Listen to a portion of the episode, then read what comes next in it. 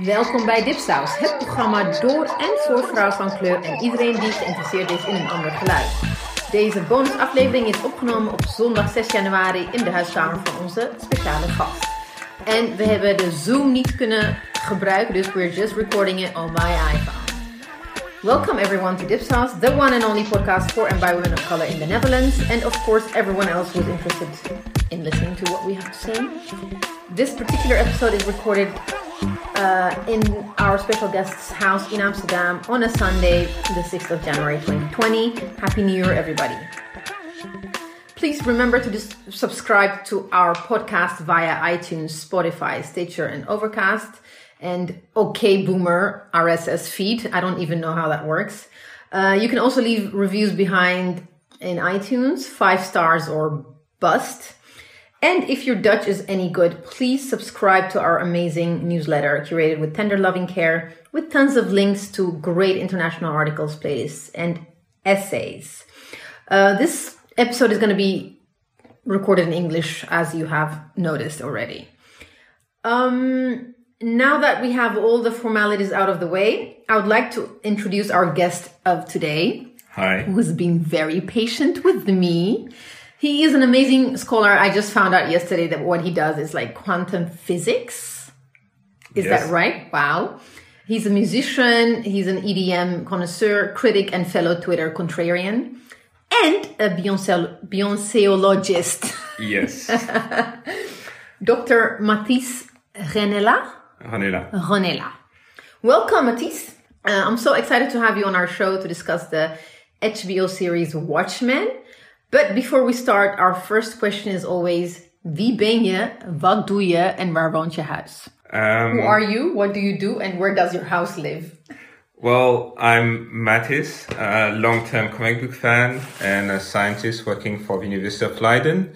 Um, I live in Amsterdam, in Noordermarkt, uh, where we are right now to discuss uh, Watchmen. Do you consider wait? Do you consider Noordermarkt your home? I've, I've been living here for four years. Okay. So it's really my home. And It's Okay. always a place where I'm happy to come back. That's good to know. All right, where are you originally from? I'm from Paris. You're from Paris. And I moved to the Netherlands six years ago. And then, yeah, my Dutch is still really bad. Doesn't matter. Um, because I moved first to Nijmegen and then I couldn't understand the Dutch there. And then it was too late to learn Dutch. So it just became a thing of me not speaking Dutch while living in the country. yeah. But yeah, All right. Okay. Welcome.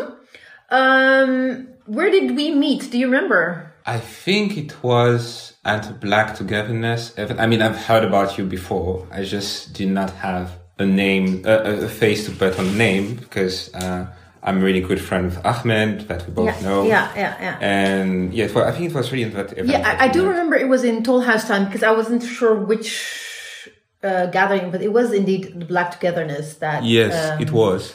um, curated by Ama Asante and um, our dear friend. Which was also a special Dipsaus podcast. It was. It was. It's. It's. And we did a couple of new series as well. It's not. It was. That was the first Black Togetherness. No, the second Yes. one. And we did one more after that, which has been really quite good as well. So we. Um, I think I've heard one. It was in a cafe or, or, or, or um, yeah, with Amal and Panache. yes, I think it was that Yeah, one. it was. It was in Amal's office. Oh, okay. Yeah, actually, It's- I really love that uh, episode as well, and we want to do like, an, we want to extend that throughout 2020. So if you have any ideas, pitch us ideas about Black Togetherness. Uh, we also have some something in common. um, it's like I tease you and you tease me about Beyonce every now and then, So I knew it would come up. but it's not something we're going to discuss today. But this is a Beyonce house. It's I know. This is- I'm, I'm, You know, she's everywhere in the house. There's, actually, if you want another CD of Beyonce, we have like a couple of them. okay. You know, for extra gift for people who are already fans. Uh, I there's a am. a Beyonce fan of sorts. But let's let's not get into it, into that. Um, I'm so happy to have you as our guest. Uh, the reason I asked you on the show, Mathys, is because um, I was completely blown away by the new HBO series Watchmen. Um, first, I'm going to summarize the Wikipedia entry shortly because a lot of people don't know it. So here goes nothing. So there's going to be spoilers as well. There's going to be spoilers as well. So get ready. alert. Yeah. Watchmen is an American superhero drama that continues the 1987 DC Comics series Watchmen, created by two men, two white men, Alan Moore and Dave Gibbons. The TV series was created by Damon Lindelof for HBO. He is also the creator of Lost and The Leftovers, both of which I haven't watched. Uh, its ensemble cast includes, among others, Regina King, Don Johnson, Miami Vice, um, Yahya Abdul Mateen II, Jeremy Irons, and Hong Chau. The series focuses on events surrounding racist violence in, in Tulsa, Oklahoma in 2019. A white supremacist group called the 7th Cavalry has taken up arms against the Tulsa Police Department because of perceived racial injustice, causing the police to conceal their identities with masks to prevent the Seventh Cal- Cavalry from targeting them in their homes. Following the White Night, uh, Angela Abar, a detective known as Sister Night, investigates the murder of her friend and superior Judd Crawford and discovers secrets regarding the situations around vigilantism. And oh, there is also a blue god called Dr. Manhattan, and he has a huge penis. More on that later. So I started watching Watchmen as soon as it came out back in mid October of last year. And I was really quite impressed by it. And because also because I didn't understand anything, because I had no prior knowledge regarding the source material. So I went in completely clueless and be- blind, and everything was just literally and figur- figuratively otherworldly. So when I went, when I mean I, this is Ebissé, by the way, in case you didn't notice my uh, voice, but I didn't introduce myself. This is Ebissé Wakjira, people. Yay. Mariam's going to kill me, but it doesn't matter. It's a bonus episode. So I went on Twitter to vent, and only a handful of people on my timeline happened to be watching alongside myself, which was yourself, Emma van Meijeren, and Sander Philipsen, and later on Nina Keul. Shout out to my friends and fellow nerds. I needed to understand what the fuck was going on, and you were actually kind and patient enough to explain most of the things to me via DM. I remember at some point we were discussing it in yeah, detail. I'm, I'm, I'm really passionate about comics. We actually, there's like a whole comic session ah, in this ah. house with, uh, yeah. And I actually got my Pathé card just to watch all the Marvel uh, uh, movies. So yeah, I've been passionate for a while about Watchmen and it's an interesting comics because there is a huge Watchmen fandom, and I think it can be compared to the fandom that you have for things like Star Wars or Star Trek. People get really pointy about details, so ah. there was a lot of expectation about the show, um, and there was not much place for mistakes in the sense that if the people running the show got anything wrong, there would have been ah. riots and a complete backlash on both online and real life because people get really really serious about uh, the show. What is the reason? Why is it different from any other comics? Because it's not different from any other comics but i think one of the main differences is that and i'm not 100% sure about that but i don't think that the authors of the comics have full creative ownership of the rights uh, for, for movies and mm. TV show, which means that the Zack Snyder adaptation of the comic books did a lot of damage. Oh, there was another TV series. No, there was a movie a in movie. 2008 ah. made by Zack Snyder, and it's a Zack Snyder movie. Ah, so okay. it's just men, macho men, ah. walking around and doing their stuff and the movie just completely changes the ending. Some things have been completely changed um, in the movie, and people felt that it was not a correct adaptation. So when Watchmen was first announced, there was an instant backlash of people saying, "Well, they are going to ruin the comics," uh, right? And the comic book community is a very interesting one because there's always this kind of fights and tensions between two kind of communities. You have yeah. this huge community mostly composed of cishet white men who have a certain idea of how what comics should be and especially have a problem with comics being political, even if I can't name a comic which is not political. Mm. And you also have um, a lot of people who come from marginalized group and who find themselves in comic books and uh, in fantasy books and kind of build whole communities around it. And this is how so many people get into comics. I used to be, so I got through to comic books through manga because I Mm. was a huge manga fan. And it's really surprising to notice how present the black community is at events like Comic Con. Yeah. Um, all the, all the cosplay events. It's really, really impressive the amount of black cosplayers and how it influences how people think and talk about comic books because they're a huge part of a fandom. Um, and you see so many allegories about race, about gender, um, about transphobia in um, comic books that there's always this political tension going on. And when there were news that this Watchmen TV show was not a remake, but a remix, A remix, yeah. It's it's not it's not an adaptation. no, it's, a it's it has to be seen as a sequel, and Yeah. you only find out when you actually watch it. It's actually a sequel, but this is what it is: a sequel in the modern world. Yeah. So, I mean, uh, it's good that you give, give a background because what the thing that I wasn't prepared for, the reason why I know it existed was because um, I have an HBO account through Anusha. She lives in the US, and HBO was pushing it, and the visuals were nice. The the trailer was nice. I had zero prior knowledge. Do you need to have prior knowledge to watch the series? I think I think there's two readings of the show. So if you don't have prior knowledge, there is enough information Hmm. about the comics which is given in a show, and especially. I don't know if you remember, but there is this scene where uh, the car- the character Laurie is in um, a booth, a phone Mm-hmm. Yeah. booth, and phoning um, Doctor Manhattan. yes. Well, in that she tells a story, and the story that she tells is actually the story of the comics, and you Ah. only find out later on. Yeah. But you can still understand the show. It's just that there is an extra layer, which is mostly what we call fan service. Yeah, yeah, yeah. So you Yeah. have tons of Easter egg. For example, why do most cops wear a yellow hood? Yeah, yeah, the yeah, yellow yeah, yeah, is really the yellow of the comic book. Ah. It's exactly yes. the same color. Yes. Um, Yeah. why do why does the show take the premise of cops becoming vigilantes? Yeah. It's because this is how Watchmen started. Night Owl was Mm. in, was inspired by Hooded Justice, and he was an NYPD cop who decided to be a vigilante. Mm. Yeah. Yeah, yeah, yeah, yeah, yeah. So you see plenty of references, and there's plenty of foreshadowing. So, for example, the blue dildo, Yeah.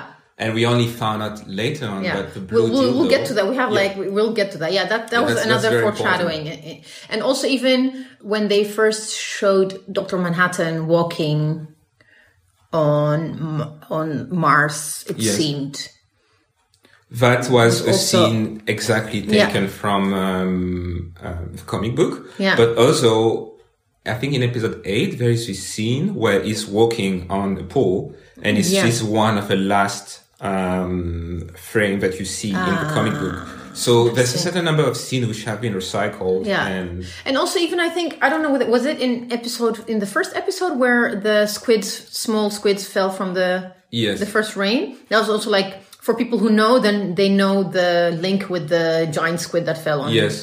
On uh, Because the comic book ends with four or five panels where you see all the damage which was done to New York. You see bodies in the Yeah, street, yeah, blood yeah, being crushed by uh, this giant octopus.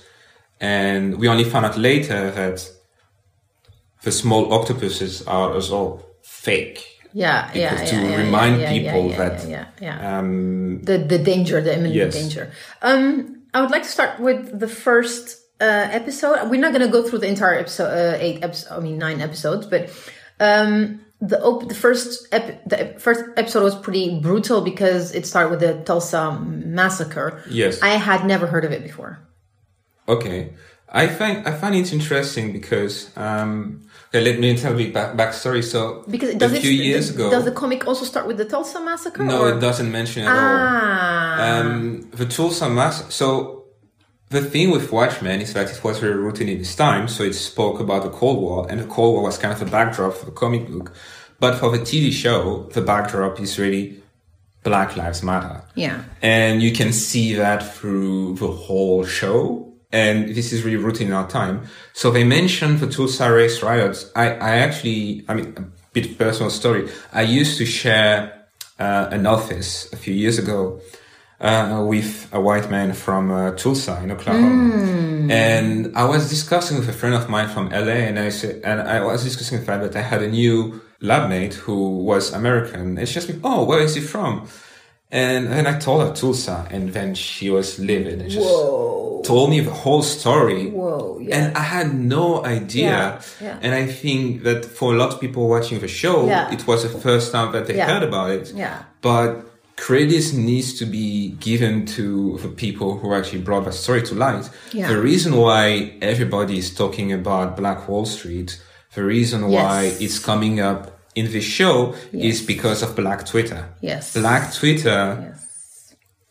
A few years ago, managed to really shine a light on what happened, give information, and spread the knowledge. And this is really a knowledge which came from Black Twitter, which would not would have not been uncovered otherwise. And then a lot of media jumped on the bandwagon mm. and then decided to do documentaries, mm. talking to survivors and those kind of things. But this is really something which started on Black Twitter. This went viral, and this has been the discussion there for a while.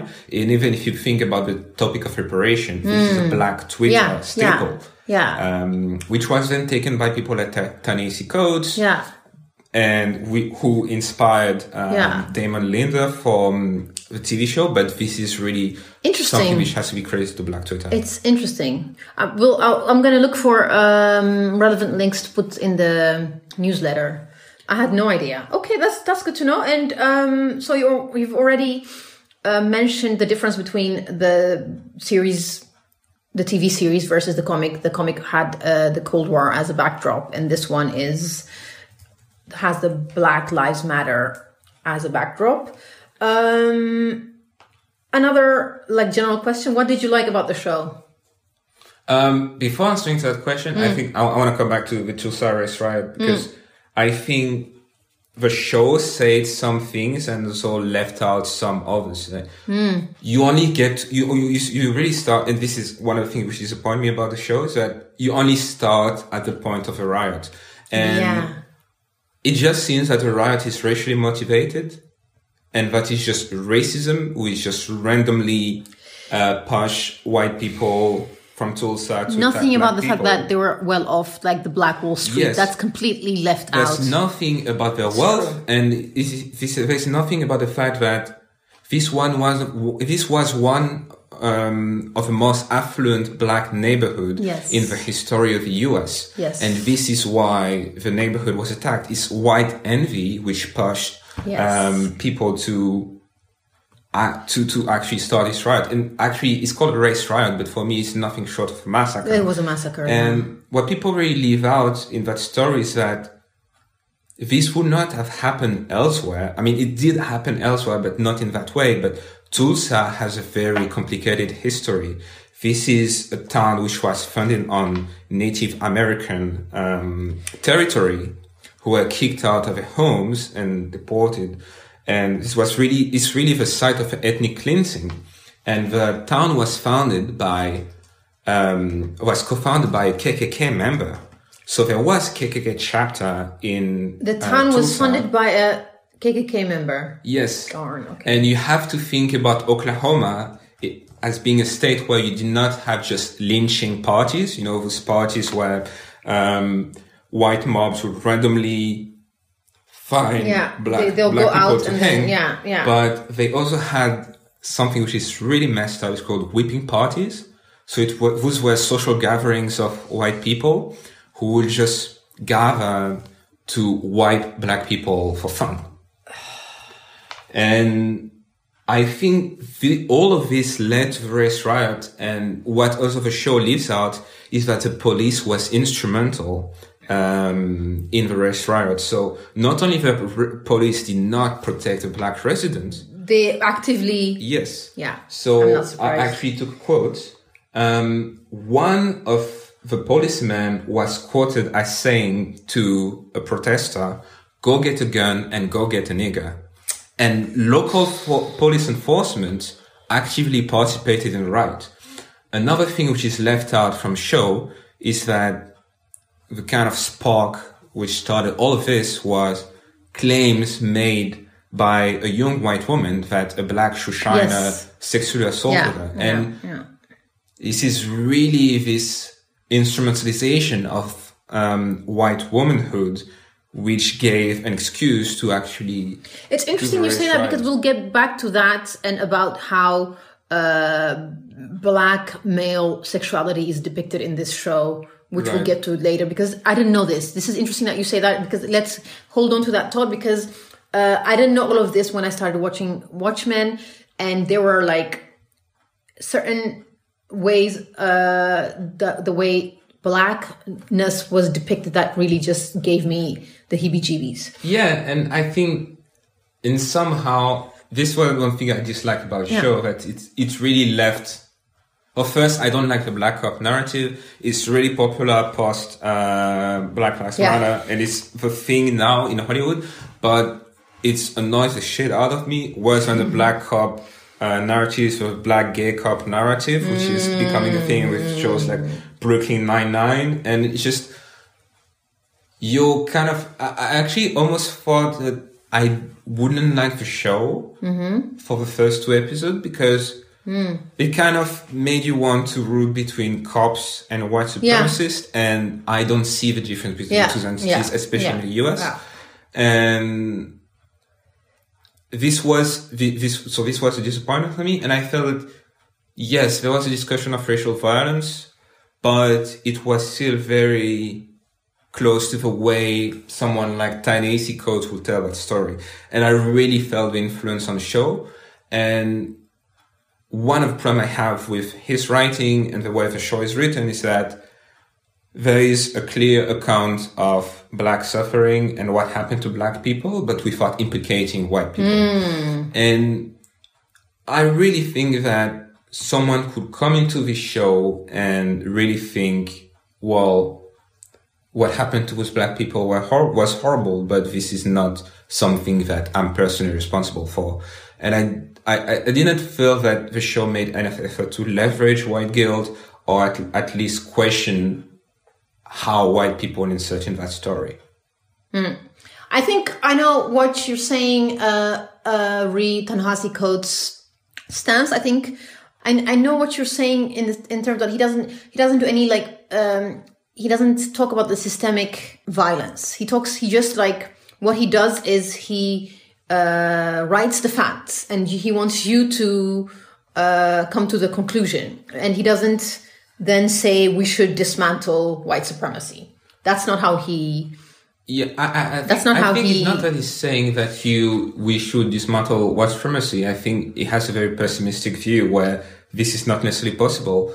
But Yeah. I think he he also takes the position of uh, the black black public intellectual. yeah. Uh, there was a very interesting um, article. I forgot the name uh, by someone called Dyson. Uh, Yeah, I know. And I, the I, I, plight I of a the, the beef. Yeah, there was the, the whole beef. I remember. Right. Yeah. So it, it's really interesting because when you're black intellectual, you're expected to explain to white people black suffering and then nothing happens. So it's basically black trauma porn. And I think the line between constructive uh, discussion about race and black trauma porn is, re- is a really thin one. And do you think he's doing black trauma porn? No, but I'm saying the, the, the, Yeah, yeah, li- yeah. the line is really thin, Yeah. and you can explain your own trauma and and Yeah. try to reach people in that way. But a lot of people will think, oh well, will take out the show. Oh wow, this is really bad what happened to those black people, and not change anything in their life. And that's why I think he's not doing black trauma porn because I think white people seek narratives they can understand Yeah. and f- feeling guilty watching movie like 12 years a slave Yeah, yeah, or yeah. having a depiction of black violence like is the case in watchmen is the only thing they can understand they, Yeah. they, they can be pushed to Yeah. feel bad Yeah. and this is kind of cathartic Yeah, but that's the thing. Um, that's it's interesting you say that because um, the reason why I'm, I'm I'm keep on questioning is that because what he did, you you have his like journalistic pieces uh, uh, which was bundled in uh, when we were eight years in power. But then you have also like um, between the world and me, where he's addressing his son, and there he is very clear in what his political position. He's very pessimistic. It's Yes. true. He's pessimistic, but he's very clear uh, about the state of race in the U.S.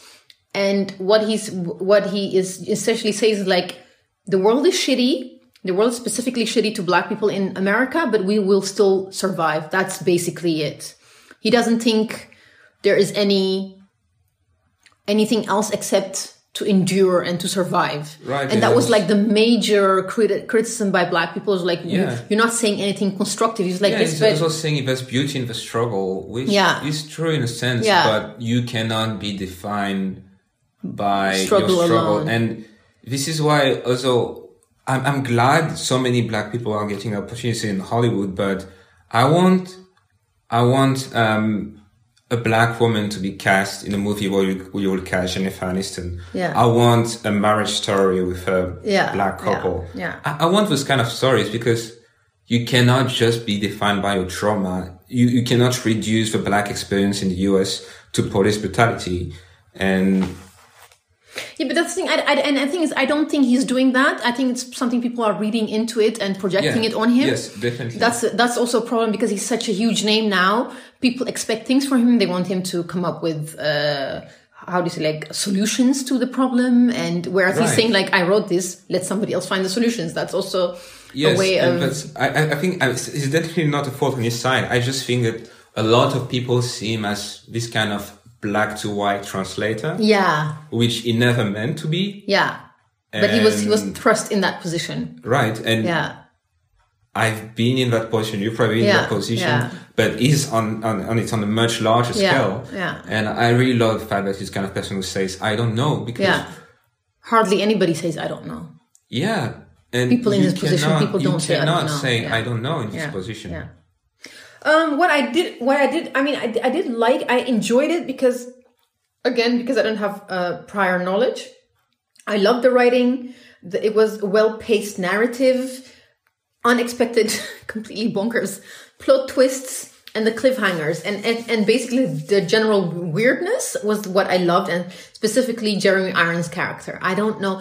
Every time he's on there, I'm like, okay, what's happening now? It's amazing. So what I Yeah. love about Damon Lindelof Yeah. is that he's, he's so good at finding the right, um, um, people for his cast. I, I will come back later to, to, Yeah. to the leftovers. Yeah. Which is a show that I- it's my favorite show. Oh, ever. okay. Um, I will look. I, I mean, I never bother, but now I'm gonna. for, for me, there's nothing which can compare. Okay. And I, I really love the dynamic between Regina King and Jean Smart. Yes. They were just mind blowing. There was this kind of tension, and I couldn't figure out what it was. It wasn't sexual, but there was No, a yeah. tension between them. You know that scene where Regina King does the gestures, was Yeah. Yeah. was Yeah. just- Yeah. Yeah. it's a Yeah. Yeah. masterpiece, and yeah. I, I, I think that a lot of people revealed themselves and really managed to give best performance they could. And this is, was really a masterclass in acting in the same way that The Leftovers was a masterclass in acting. And it's, it, I love the fact that it's an, it's a sequel and a remix and Yeah, not just yeah, trying to an do the original adaptation. Mm. material because there are some weaknesses in the, with the original material and I love the fact that they try to address them. Yeah. And as a comic book fan, I saw so many answers to unanswered questions from Watchmen. so I think I think it was really interesting to it for me someone having a fresh look on the comics.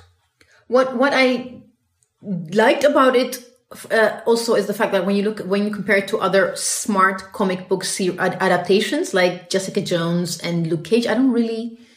It's just I think Watchmen was done smartly. Yeah. in that sense. They tried to veer off of like the the the the how do you say the generic linear way of Yes, I, I think there's a good reason for that. That um, Damon Lindelof used to work on uh, Lost. yeah And the thing with Lost is that the show, it was the best show at the time. Everybody loved it. Yeah. But what do we actually remember? The last two seasons, which were completely horrible. Yeah. And I think that's really a lesson in storytelling that you can have a show which is as good as possible, but people will only remember the ending. And it's same with Game of Thrones. Everybody hated the last season and it's overshadowing, um, a lot of the seasons before, which were good. So with the leftovers, for example, Damon Lindelof made a choice to stop after three seasons. Ah. And this time with Watchmen, it's nine episodes. It's not 13. It's Yeah, nine. it's because it's a story. It was in nine Yeah. episodes and there's no room for season two. There's Mm. think? no story to be told. You think?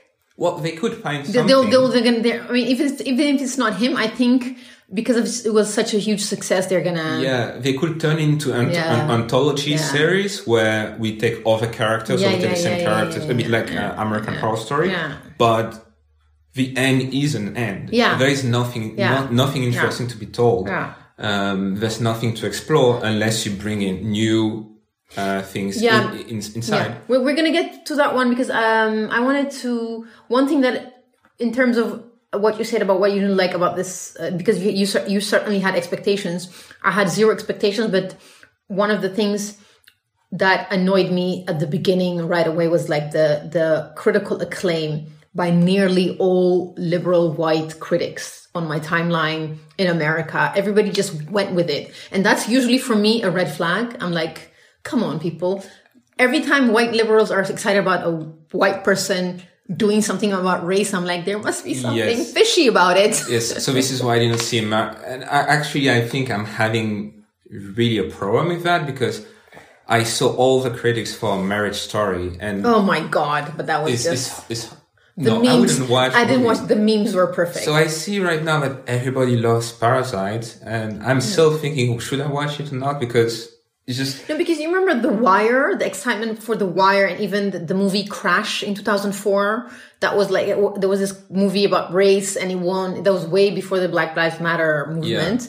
And that same near critical acclaim, like, it's fantastic, it's wonderful. I'm like, well, and when you really dig deeper into it, I mean, right away, what you said, it's, we're, we're talking about like rooting for cops.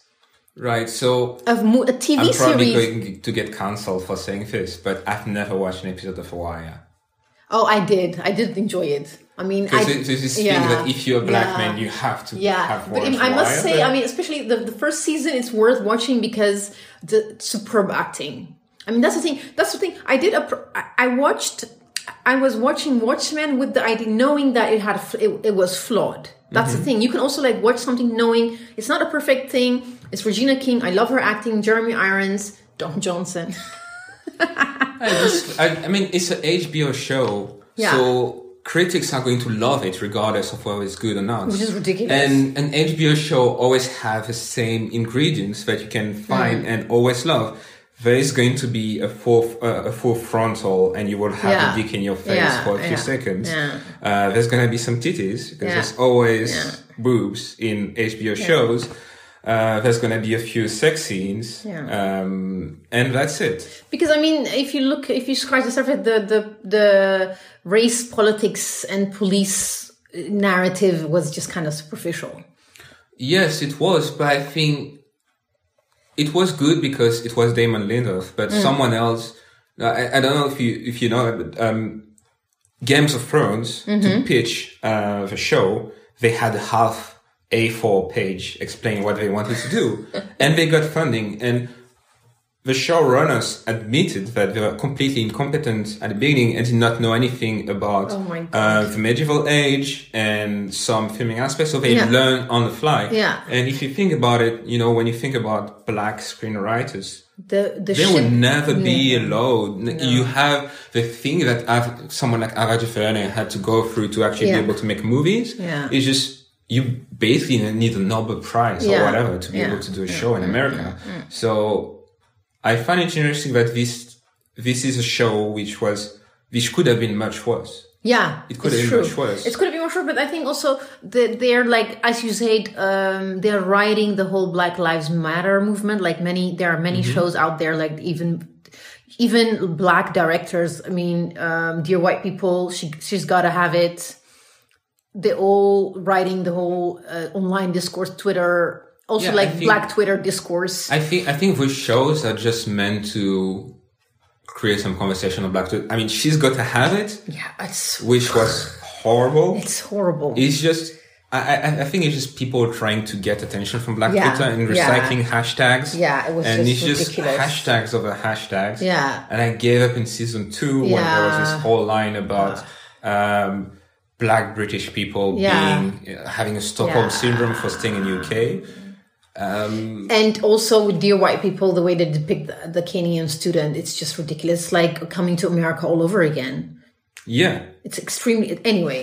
Let's not go into that. Um, this yeah. What, what I'm to say about this is that we are in a post Black Lives Matter world, which doesn't mean that No, it's supposed. Yeah, it's still happening. which doesn't mean that this is not still happening, but we're in a world where the discussion is out there. You cannot pretend nowadays that you know, don't know about police Exactly. brutality.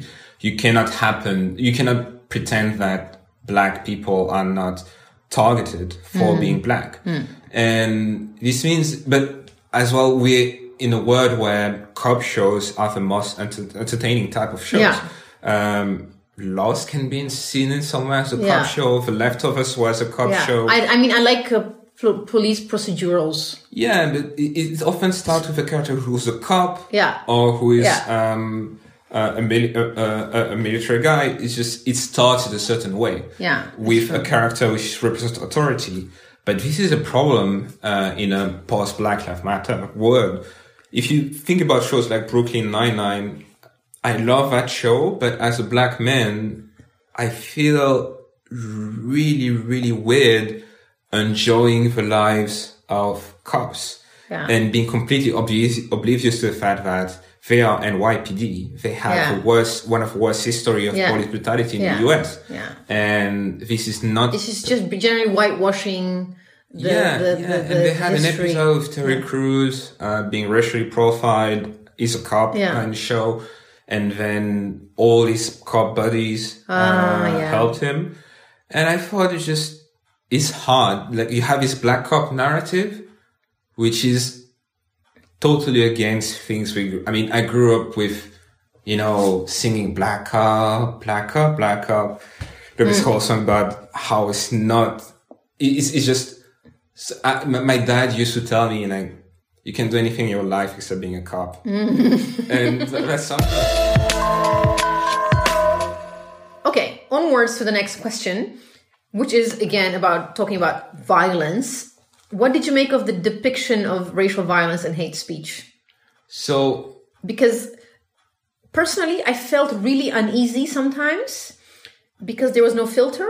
I felt Yes. sometimes I found there was like just gratuitous violence without any context or filter. So I, I, th- I think, uh, at least from my perspective, I see there's two layers of uh, violence within the show.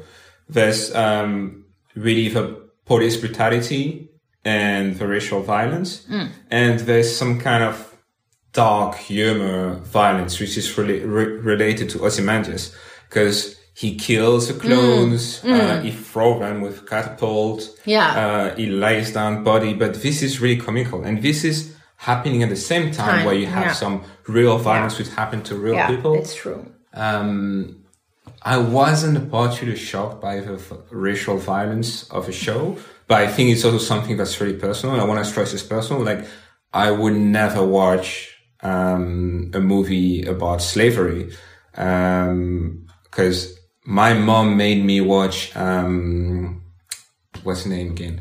Roots when I was a kid. Hmm. And this completely traumatized me. Hmm. You know, it's just a show where every episode, hmm. uh, a slave gets, um, whipped, um, a woman gets raped, and it's that over and over. And it's just, I, I couldn't watch 12 Years a Slave. I didn't- I didn't even I did not even read the synopsis. I don't even know what the movie was about. But I can already tell you, without even seeing the movie, um, that there was a good slave owner and then a bad slave owner.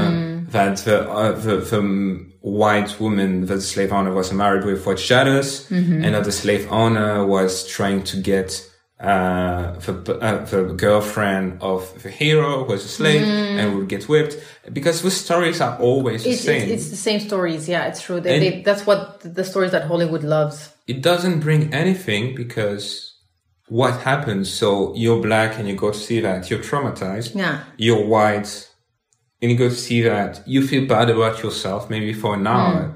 But what do you do out of it? That's the thing. That's why I mean, that's why I thought like sometimes, uh, as you said, I didn't even um, think about the difference in violence between the comical one with Osmanides, uh, because that one was just, just I was indeed because it's so comical and so literally otherworldly. You don't really uh, see it as violence, whereas I did have trouble with the violence in uh, depicted in Tulsa, spe- specifically when the how do you say it? When they were like uh, the terugblik when they go back to the past Yes. and uh, what I specifically episode 6 where they show uh, when her grandfather was being lynched Yeah. from his point of view. I just thought I'm like, is that ne- it wasn't necessary? I don't think it was necessary. I, I don't I don't think it was necessary, uh, expe- especially. I mean, uh, actually, this was my favorite episode for for for a lot of reasons, which were which are probably not the ones where people would think it's my favorite episode. But for me, it's just I've never seen a depiction of black anger, black male anger on TV which was so raw. It's it's it's it's an opinion. Training Day. The Washington. I liked it. Yes, but you know, Also just a so- cop gone wrong. So Bell, Bell Yeah. Hooks has this con- this concept of um, killing rage. Hmm. Is when you're angry about uh, racism and the structural oppression that you have to endure, but it goes past the anger. It, it goes to the point where you're starting to think about genocide, where you Hmm. start thinking about killing, killing people around you. And this is another state of rage that cannot be fulfilled in society that we live in because obviously you're not going to kill all the people who are racist to you. No. But this is a thought which I think is somewhere in any black man to have like this killing rage sometimes that when you're such in a state of rage that you wish people dead. Um, and that episode was the expression and realization of that. What I find really interesting, and I would really be interested in to know who wrote that episode, is that black woman in that episode, in particular his wife, was the receiving end of all his anger. Yes. Yeah. Um, he killed white supremacists. He was angry about, about white people, but the, the, the people who are destroyed by His his, actions were, and his rage was really his family. Yeah, his his wife and his son. Yes, because, and I think this is something that every black man should learn or had, had to learn how to control that we grow up with that rage and we can mm. all tell a moment. I mean, for me, it was just witnessing uh, police brutality when I was eight. It was just mm. a defining moment for me. And I talk about that often for my dad where, you know, he tells me, you don't remember that I brought you two times to Disneyland that year, but you remember seeing a black man being beaten in the street. Mm. And I can tell where it happened. I can still remember the color of his jacket, uh, the face of a cop. And this is things which marks you. And the thing is that the on you as a black man, your anger cannot come out on white people because this is dangerous It's for a dead yourself. sentence. So if you want to be angry, who pays for your anger? It's going to be mm. black women. It's going to Yeah. be black children. Yeah, it's true. It's true. I, I didn't, I did not look at that episode from that point of view because I thought, I thought there was too much. I, we discussed this as well, I think, via Yeah. DM. I thought they were packing too much into that episode. Yeah, it should have been two episodes. Yeah, I think so. I think if it was two episodes, at some point they they had to explain a lot in order mm-hmm. for people to understand what's going on. Things needed to be explained, but it was just it just went on and on and on. And sometimes they were using like it was just like how do you say it? They were forcing the the the sentiment. Yes. That's it was what a I- bit forced and Yeah, it was yeah. Bit, a bit cram. Also, I think Especially you remember the the Schindler- Schindler's List yeah. reference. I'm like, come on, people. No, but what what I find, and also at some point, he became I mean, he, he, he was a very complicated character. Yes. And then as his anger took over during the episode, he became really predictable and really easy to figure out. And I think, okay, Hooded Justice was never shown in the comics. You could only see his eyes. And they made a good job of actually filling up, filling up the dots, um, filling up the story because this was never told. And this, this is really consistent in the comics. It's really believable that he was black and actually it makes sense. It makes total sense. Okay. But I think one thing which wasn't properly explored is that Hooded Justice is um, a gay man who's into um, um, BDSM, Yeah. and this wasn't explored at all No. in the show. I mean, you have It wasn't. That's it, it- It's it's good that you're you're bringing it up because I wanted to ask. Uh, it was a crucial theme indeed in in in in that episode where uh, Will Reeves, the Hooded Justice, Angela's grandfather, he they they reveal the fact that he's a gay man um, Right, in in that uh, what, what I episode. find weird is that he was a black man and a gay man, but I didn't feel I didn't feel like he was both, and I didn't feel like the fact he was both was addressed, and I just felt that they kept it as a gay man because uh, this is who he was in the comics. Aha. Okay. And there was a whole different dynamic in the comics where um, a few of the superheroes were queer, but they had to hide it Yeah. because it would not have been accepted Batman at and the time. Robin being the famous one, Well, allegedly. allegedly. but um, in, in the particular comic Watchmen, this was part of the storyline. So Yeah. they ended up with this story and it, the, the racism of um, Captain Metropolis, which is really, really different from the rest of racism that we see in the show, in the sense that is fetishizing black men Yes. and is constantly gaslighting and tone policing Yeah. for the justice yeah. and kind of expressing this racism which is common among white gay men. Hmm. And this was just And it was the a thing. few seconds. That's you know? that's what I'm saying. not really my, my next question was, uh, what did you make of the scene in which his the fact that he was gay, his queerness was revealed? That was they used the a slapstick scene. Mm-hmm. They used that like that that uh, what was it the the the film with the series within the series. Right.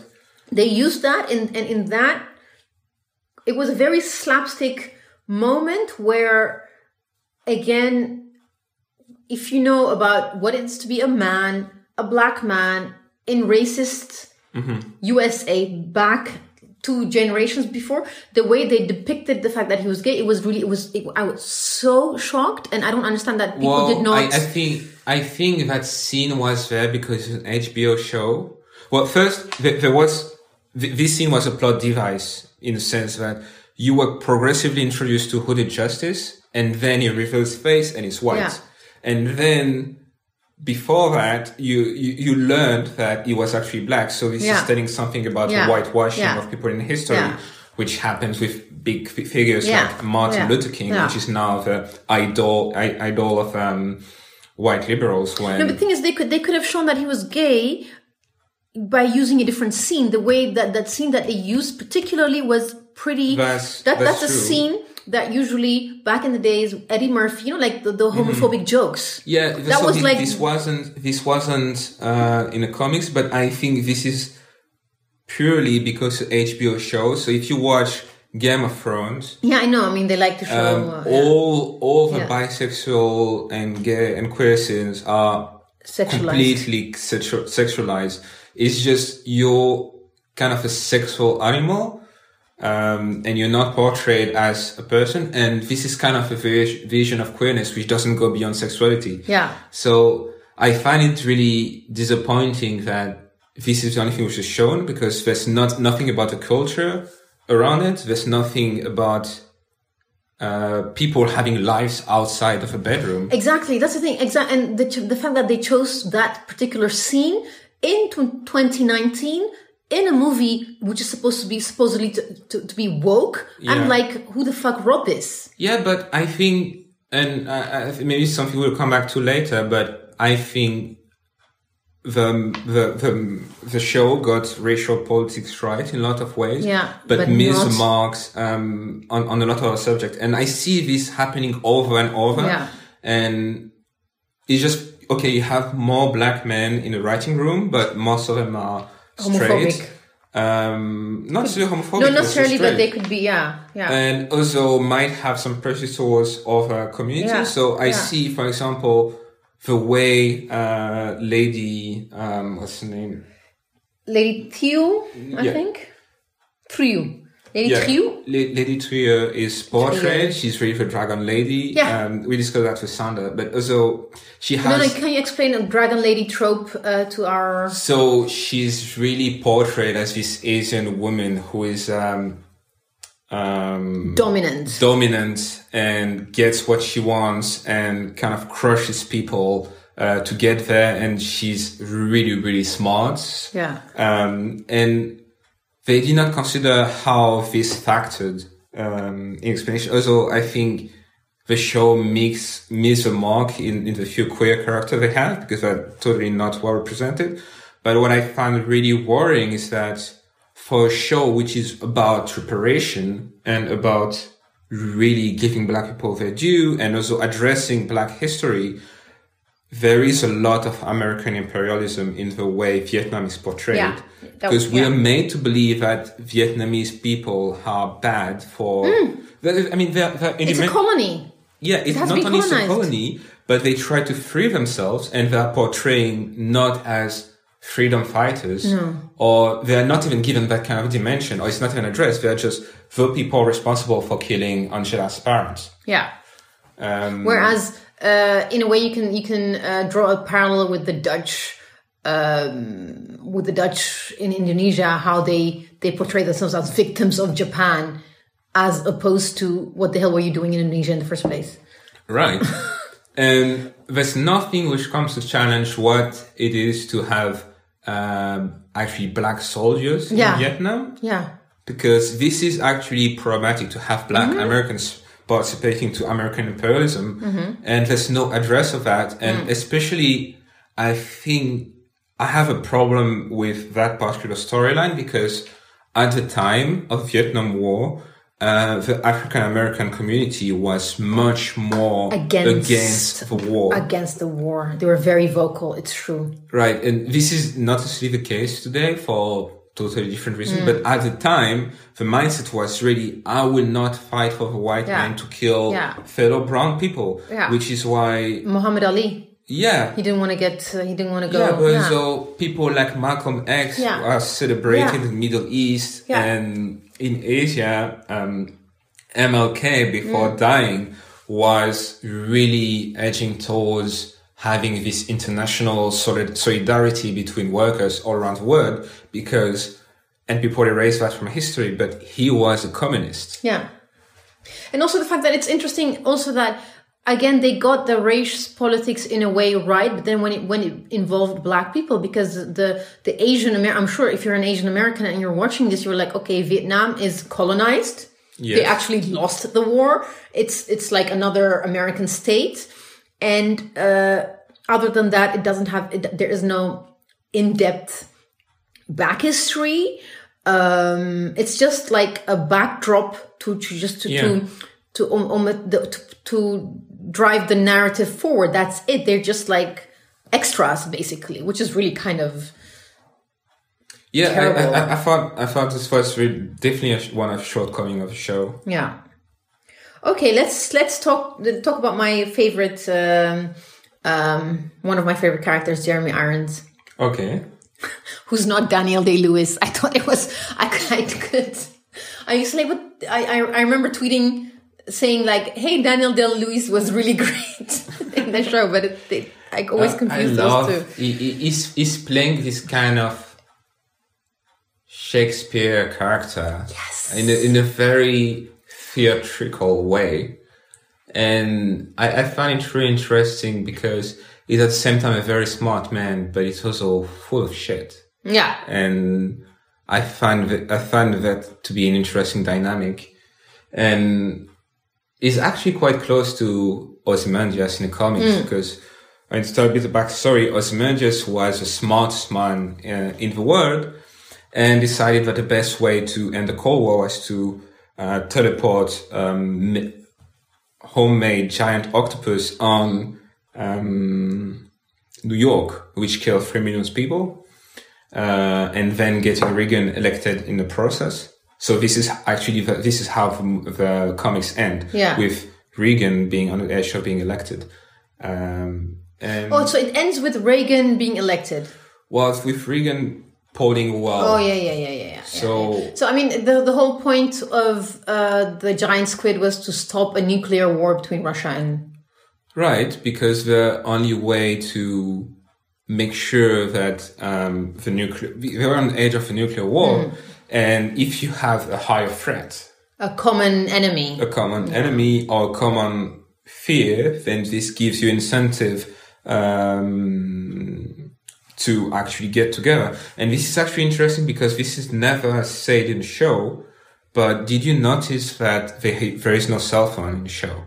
It's true. There is no internet. It's true. There is no 4G. There's plenty of technology which Yes. is missing. So it's a futuristic world, but plenty of things are missing. And there's an explanation behind that, which is that people were so terrified afterwards that probably the, the, um, the, the they reduced the approval for new technologies. Ah. So the internet never happened. So mobile phones never happened. So a lot of things are missing. I didn't even think about it because again, because I was so.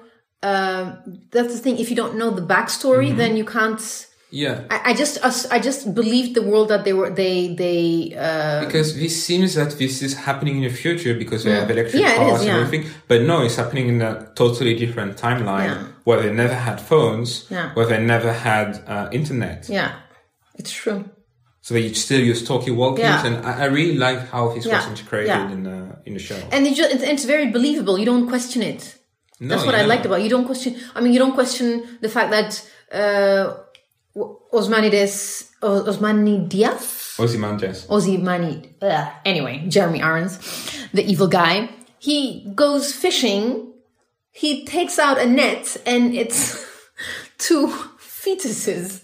Yeah, so That was just and you, it's just weird and this is inc- I, think what what's interesting in his storyline I, I did not expect that and for me was one of the biggest plot twists was that the game master was actually uh, one of the clones that he Mm. decided to turn against him yeah. because he was just so bored there that Yeah. he created this whole thing around him and this whole game where we would be put on trial Yeah. and put in jail and Yeah. then freed and we, and we discovered at some point that it was him all along who designed that whole plan and I find it interesting because it's a big insight into his twisted mind. He's a very smart man, Yeah. But he's also mentally insane. in the sense that he's, Hmm. Yeah. He is. He's, not, he's not well, he's not stable.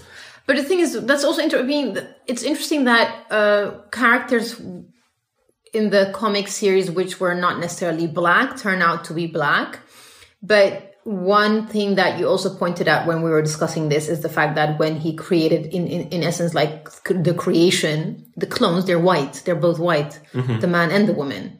I mean, they could. I think they could have. I personally think that the writers could have done something there. It would have been an opportunity um, to not make it a white and two I, white I thi- people. I, thi- I think we discussed this, but then I would find it very complicated because Why? so Doctor Manhattan was before being Doctor Manhattan, he was white.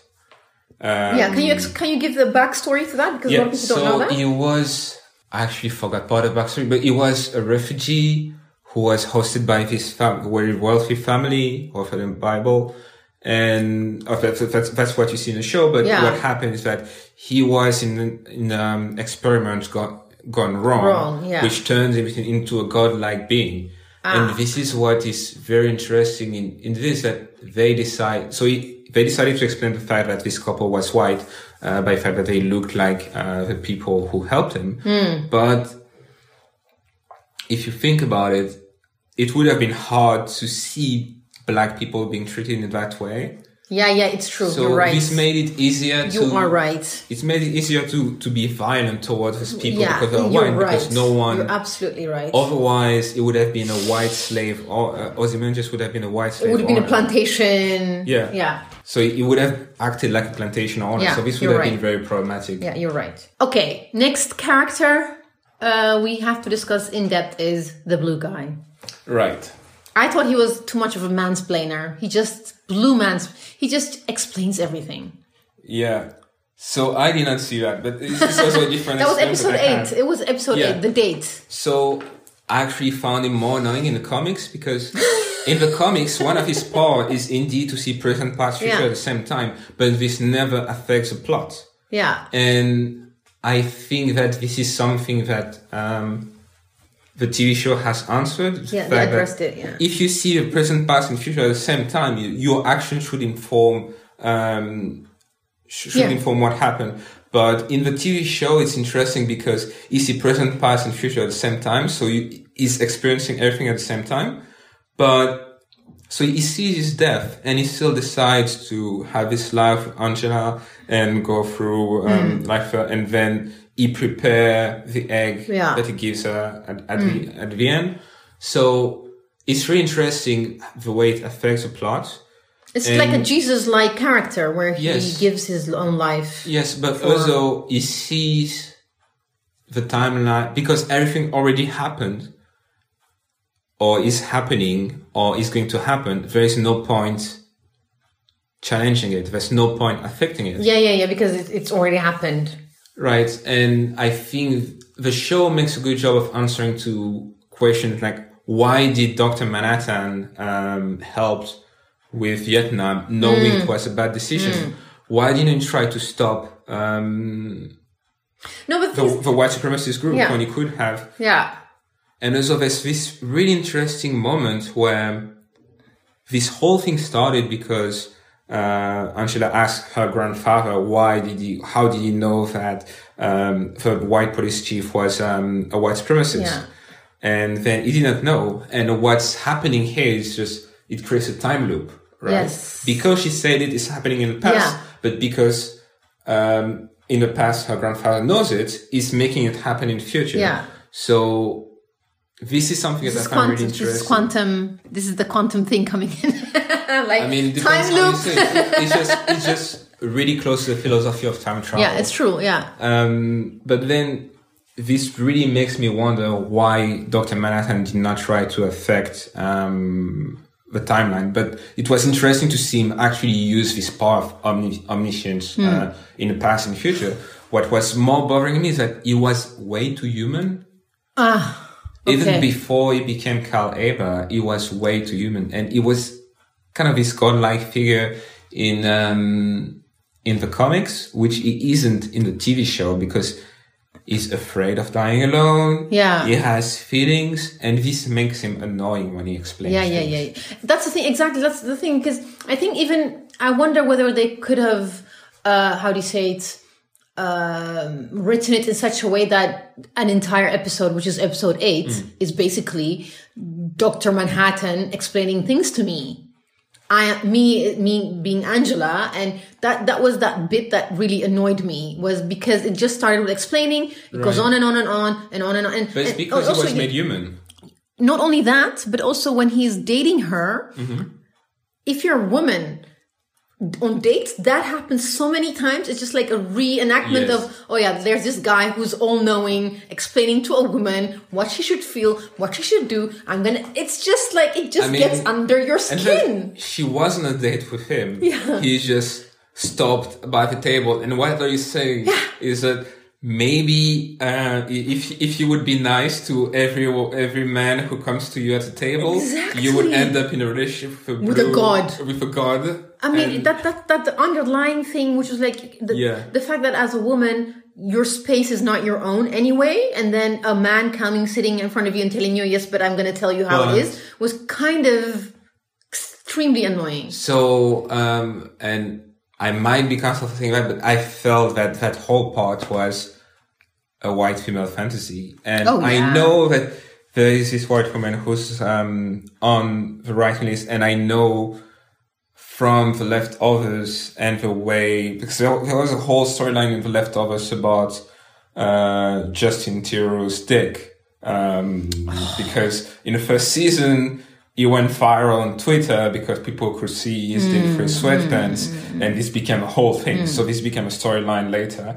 Um, and I think if you think about it, just okay, they decided to make Doctor Manhattan black, Yeah. which is very different from who, Hooded Justice because Hooded Justice was always black. This Yeah. is a narrative that you Yeah. can defend. Yeah. But for Doctor Manhattan, it did not make sense except to satisfy the needs of Angela because she wanted a handsome man. But in the end, she got this godlike uh, black man with a massive dick. Yeah, and before, she- and oh, the thing is, I'm just adding before he, he turned out to be Doctor Manhattan. Mm-hmm. Uh, when we saw Cal, he he had he had, he has a flat character. yes, that was intentional. Yeah, he, he had a flat character, and they were having sex all the time. Basically, that that was it. Mm-hmm. He's a That's perfect fine. husband. Yeah, he's the perfect husband. That's fine. But then in comes his ex girlfriend, Dr. Manhattan's ex girlfriend, Laurie, Mm-hmm. the FBI agent, and then she starts obsessing about Angela's Yes, perfect and husband. I, I felt it was kind of a projection of. I mean, this made sense if you feel that she she had a hint that he was Mm. Doctor Manhattan because she probably did, and also him, he recognized her in some way when he asked her, "Have I met you before?" Yeah, so there's this line. But I also felt that it was such a fetishization of black men. It's just really the white female gaze being projected on him. And as though, I mean, I don't know if that dick is a prop versus real, but the way it was presented, also the body that he had, was just really satisfying this straight white female fantasy of uh, the black man as Yeah. an object. Yeah. Let's marry a black man and have mixed race kids. This Yeah. is really the thing she's pushed. and here. there was the foreshadowing of uh, the the revelation of his giant dick when Laurie went to her hotel room and then she Yeah. took out this Excalibur. massive Excalibur, this massive blue dildo. yeah. that was i mean for people who knew her relationship to Yeah. dr manhattan they might have known that it was uh, so and for me it was something that i found out later because i didn't know dr manhattan uh, was going to be Cal and once i found out that they showed his penis which was humongous and then that's when i made the link with uh, Laurie taking out Yeah. the blue dildo, and that was like what I really, really felt. Again, I don't understand how they can write this. Yeah, so I think there's two things I want to mention here. That first thing is that, uh, well, the first thing I want to mention is that in the comics, he has a very small penis. Yeah, And it's because, let's say that you're a godlike figure. Why would you need a big penis? Yeah. He's just supposed to be functional. Yeah. He's above the vanity of man. He's not Yeah. a man, he's almost a god. Yeah. And a god doesn't need a big penis. That's something that men needs to feel better Yeah. about themselves. Yeah. Which is why when Zack Snyder already sh- um, originally showed Watchmen the movie, and when there was some um, rumor that uh, Dr. Manhattan would have a big dick, this was such a huge controversy in the comic Hmm. world. People were shocked because Dr. Manhattan cannot have a big dick because he, he reconstructed his whole body. So why would he decide Yeah. to reconstruct himself with something so vainglorious? And they kind of did it again, but then this hap- this end up in um, a situation where you have a black man with a big dick. it's just it's a trope. It's racist. It's this racist trope Yeah. that is again being reinforced, and I, that's what I'm saying. Like the well, people are lauding the race politics. They're like these kinds of Mm-hmm. basic, your garden variety racist But white women fantasies. Yeah, but this brings me to my second point is that if they casted Dr. Manhattan as white, this would have just been an error to have a white man with a big dick uh, playing Dr. Manhattan because obviously Dr. Manhattan would have not won that Mm. choice. So this was the case for a sport movie where, in which Dr. Manhattan was white. But here they decided to do some race bending and Mm. have a character who's black, uh, who is black. And I think that's an interesting thing that we see in show right now, which are adaptations that we're adapting material which was made in a totally different mindset where Yeah. people were fine with ha- having books and comics with mostly white characters. But now you need to bring in more diversity. And this means that in practice it's being really, really forced. And I want to come back to an example which comes from, um, The Handmaid's Tale. So if you read the original material, it's all white, black people have been sent to the colony, um, and that's it. They don't exist. But if you watch a show, they inserted black characters. And in my opinion, this completely ruined the show. And this is why I stopped watching. Because two, the race of two characters have been changed. The husband and the best friend of uh, the main white, uh, white female lead character. And the husband is read is a black man written as a white man, which means that he's completely oblivious to the fact that there is a the- theocratic government um, in, in in the U.S. and that this constitutes a threat to him as a black man as much as it constitutes a threat uh, to to to his white wife, and he should be in a state of complete panic and be like, "Let's move to Canada." Hmm. When she says we should move to Canada, and you answer, "I will protect you," for me, this wasn't the reaction of a black man hmm. Yeah. because no black man would be put in that situation and think, "I need to leave the country." Yeah. Yeah. Yeah. yeah. or at least consider it. And then they had another character, which is her best friend, who's black, and she's kind of playing the sassy black mm-hmm. woman. But I do not believe for an instant that if a theocracy would be installed in the US, they would suddenly forget about white supremacy Of because um, they need more kids and decide to have mixed race kids with uh, black women. That would still be. I, I think that a government like this would rather go to extinction than act, actually, actually having some interracial um, um, mixing. They, they would not accept this. They would do like in the books and only have white women. And this makes her character not believable because Hmm. she end up in this situation where she's talking back and she Yeah, survives. yeah, yeah, and I don't see a situation where you're in theocracy You can with white back, handler and you talk back and nothing happened. yeah. So that's a problem nowadays that people want more diversity, but They don't think of, they don't think of the com- uh, implications right. of just inserting. Right, and, and this happens in like I love The Witcher, for example. Yeah, oh my God. But every single Yeah. character is a magical Negro. Yeah. Literally. Literally, They are literally, literally yeah. magical Yeah. Negro. Yeah. And But the thing is, okay, I, I mean, let me let me put it this way. I do understand why they need to insert they, that they cast people of color in in in uh, in stories that were originally white, and therefore have to deal with the consequences of that decision. But at least, even if it's flawed, it's nice to see.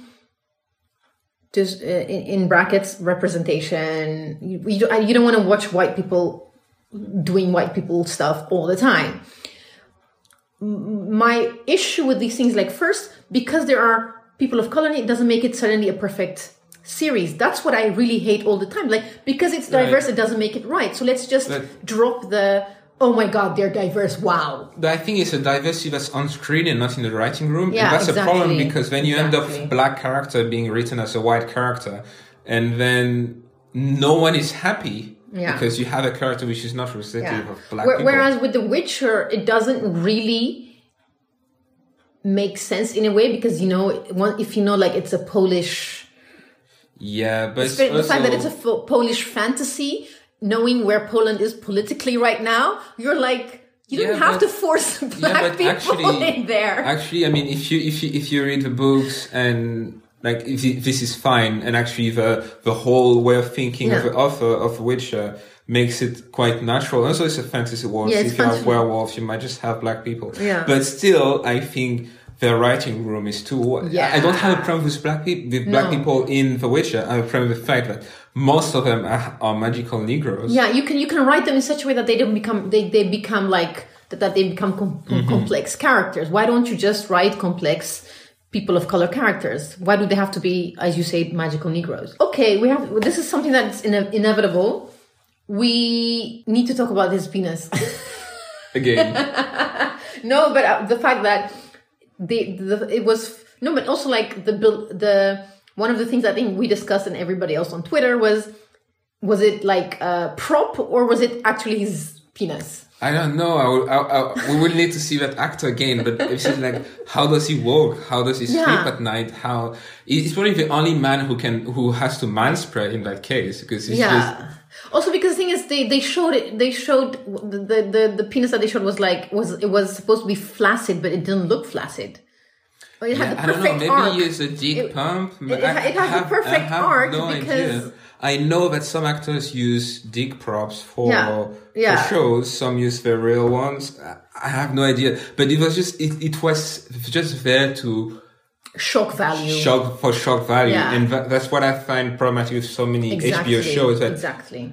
you know, there was some so many controversies with uh, Game of Thrones with Mm. um, female nudity. So you said, okay, well, we're just gonna show some dicks. Male, male. But the thing is, if you show it, then show it like in its natural state and not in a weird where you're doubting whether it's plastic or Right, not. and this is where I think it's not equal because we don't get to see ugly dicks. We don't get to see small ones. Except no, what's his name? Uh, okay, it wasn't HBO, but the the Michael Fassbender.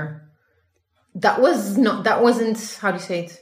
no, that wasn't It sexualized. It looks na- it looked Exactly. natural, but also that probably because he was a real actor. Yeah. I think HBO. I always feel that when I see an HBO show, okay, there- is a quota Yeah. for nudity. Yeah. It was ridiculous. They could have showed. I don't know Don Johnson's dick, for example. Why Well, does it have to be? You see one of the clones, Yeah, you see one of the clones. It's true. but I, I, I think But it, but but the way they showed that one uh, versus Doctor Manhattan, there was a specific yeah, shock value element to it, which was right. I, I just think ridiculous. I- I'm not. I'm not sure that Doctor Manhattan being black was a good idea. No, not in this case. and they could have easily you know actually i think this would have had a better shock value for because it's a definition of a perfect husband and they did not try to show the perfect husband as a black man As a, yeah, and but they could have it a version it, it, it would have been fine as a perfect version of a white man Yes. The thing is also, I mean, in, in terms of if they really wanted to go for shock value, they could have, for example, showed uh, the Jeremy Irons naked, Mm-hmm. full frontal. That would have been interesting. Also, I feel like taking a, a young actor, or at least some actor who's not really well known, and and and basically because I read an interview of his, and he was basically saying, "Well, I didn't know the show. The, um, see, I would be naked at the beginning." Yeah, that's what I mean. Because the character, uh, an actor like Jeremy Irons, can't get away with it. He's such Mm-hmm. a well-known actor. He has, I'm sure, done naked theater shows, whatever. He, he's probably comfortable in his body. Yes. And, but the fact that they're showing an elderly man full frontal naked would have had like that. You would think they were being Mm-hmm. uh, forward thinking, but this was just like another addition to the black Mm-hmm. fetishization and sexualization of black people, black men. Yes, I I think that's definitely.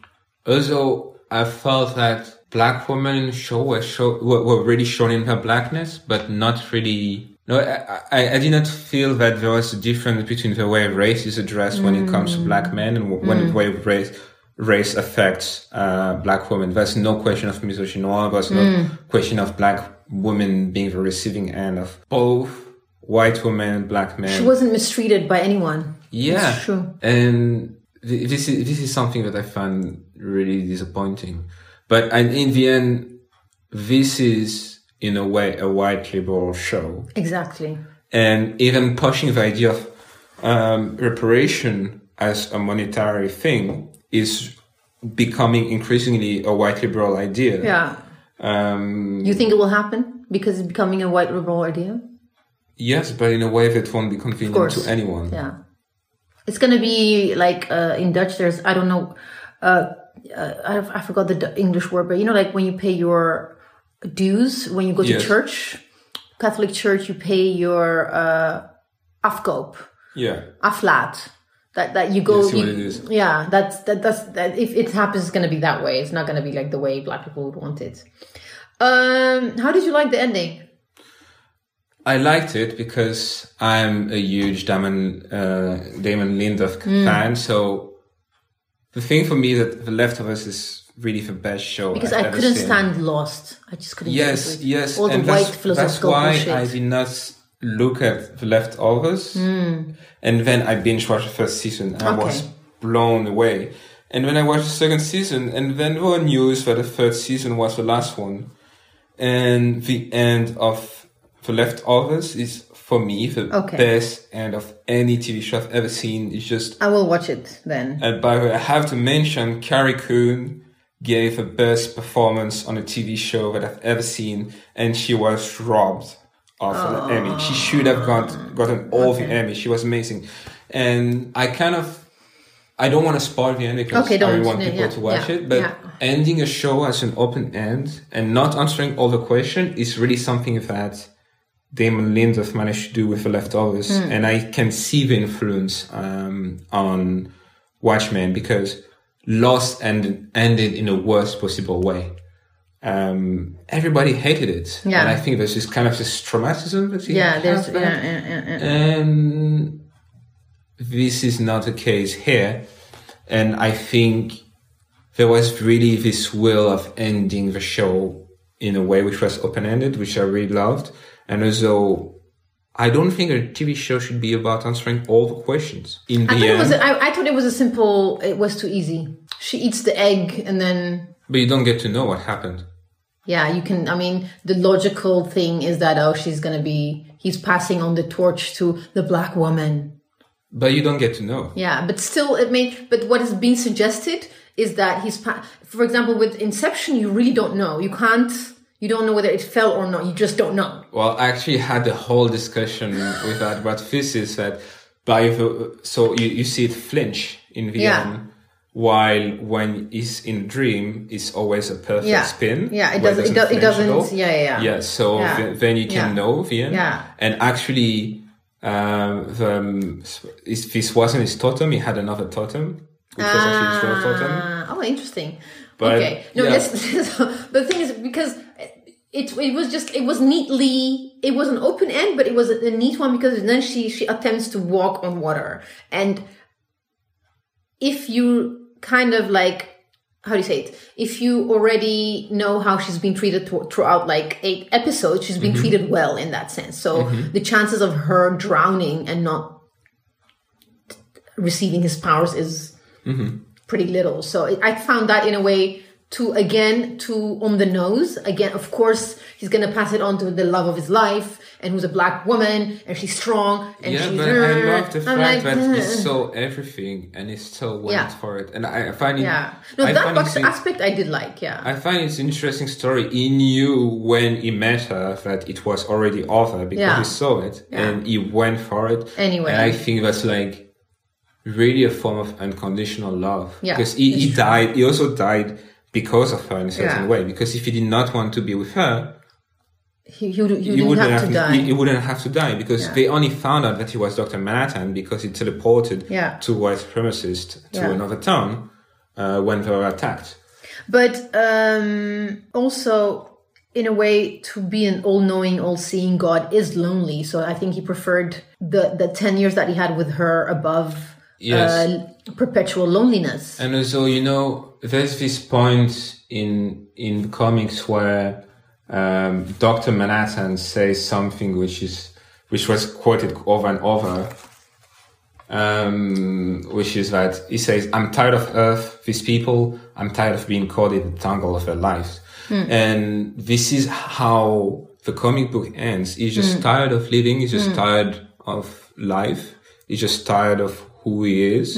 Um, and I think he just wanted to find love before Yeah. actually disappearing. So Yeah. this this is what makes the Yeah. ending so great. Yeah. In my, in my opinion. Yeah. But still, you know, it's just I I I, I think the silver racial pol because she's a black woman, so she can't. You cannot see her character without seeing her as a black woman. Hmm.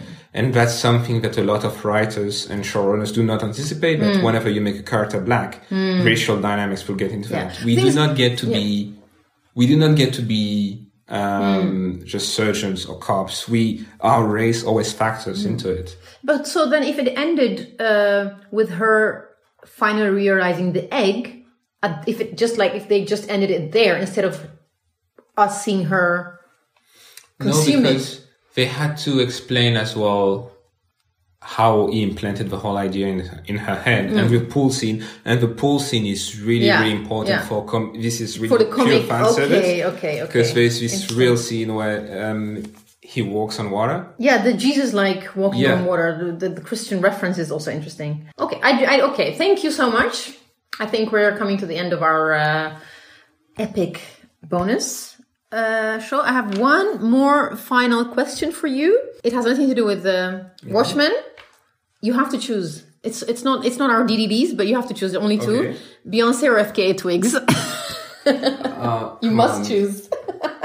this is like choosing between I don't know You Gotta choose. why would I choose why would I choose between two black women Okay, fair. Good, good answer. We're gonna round it up. good answer. That's a good one. Well, thank you so much, Mathys. Thank you so, so much for your patience, uh, for indulging my obsession, brief obsession with this show. I think I'm gonna read the comics as well. For enlightening me via Twitter DM, all those hours that we spent DMing, um, taking time to answer our questions, and for your general awesomeness. Everybody follow him on Twitter and on Instagram as well, or maybe not. I'm not sure whether you want that. Um, we hope to have you in the studio to talk about electronic dance music in the future. I'll discuss it with um, Anusha and Mariam, and we'll definitely invite you. And also, why not over quantum physics because we don't know anything about that. Uh, thank you for tuning in, everyone. I hope you enjoyed the show, and I hope to have I haven't messed up this recording too much, Mariam. Um, lieve luisteraars, abonneer je op ons nieuwsbrief. Blijf onze site checken, dipsaf.org en mail ons tips. En ook liefdesbrieven zijn ook allemaal welkom. Mail ons via dipsafspodcast@gmail.com. Bye!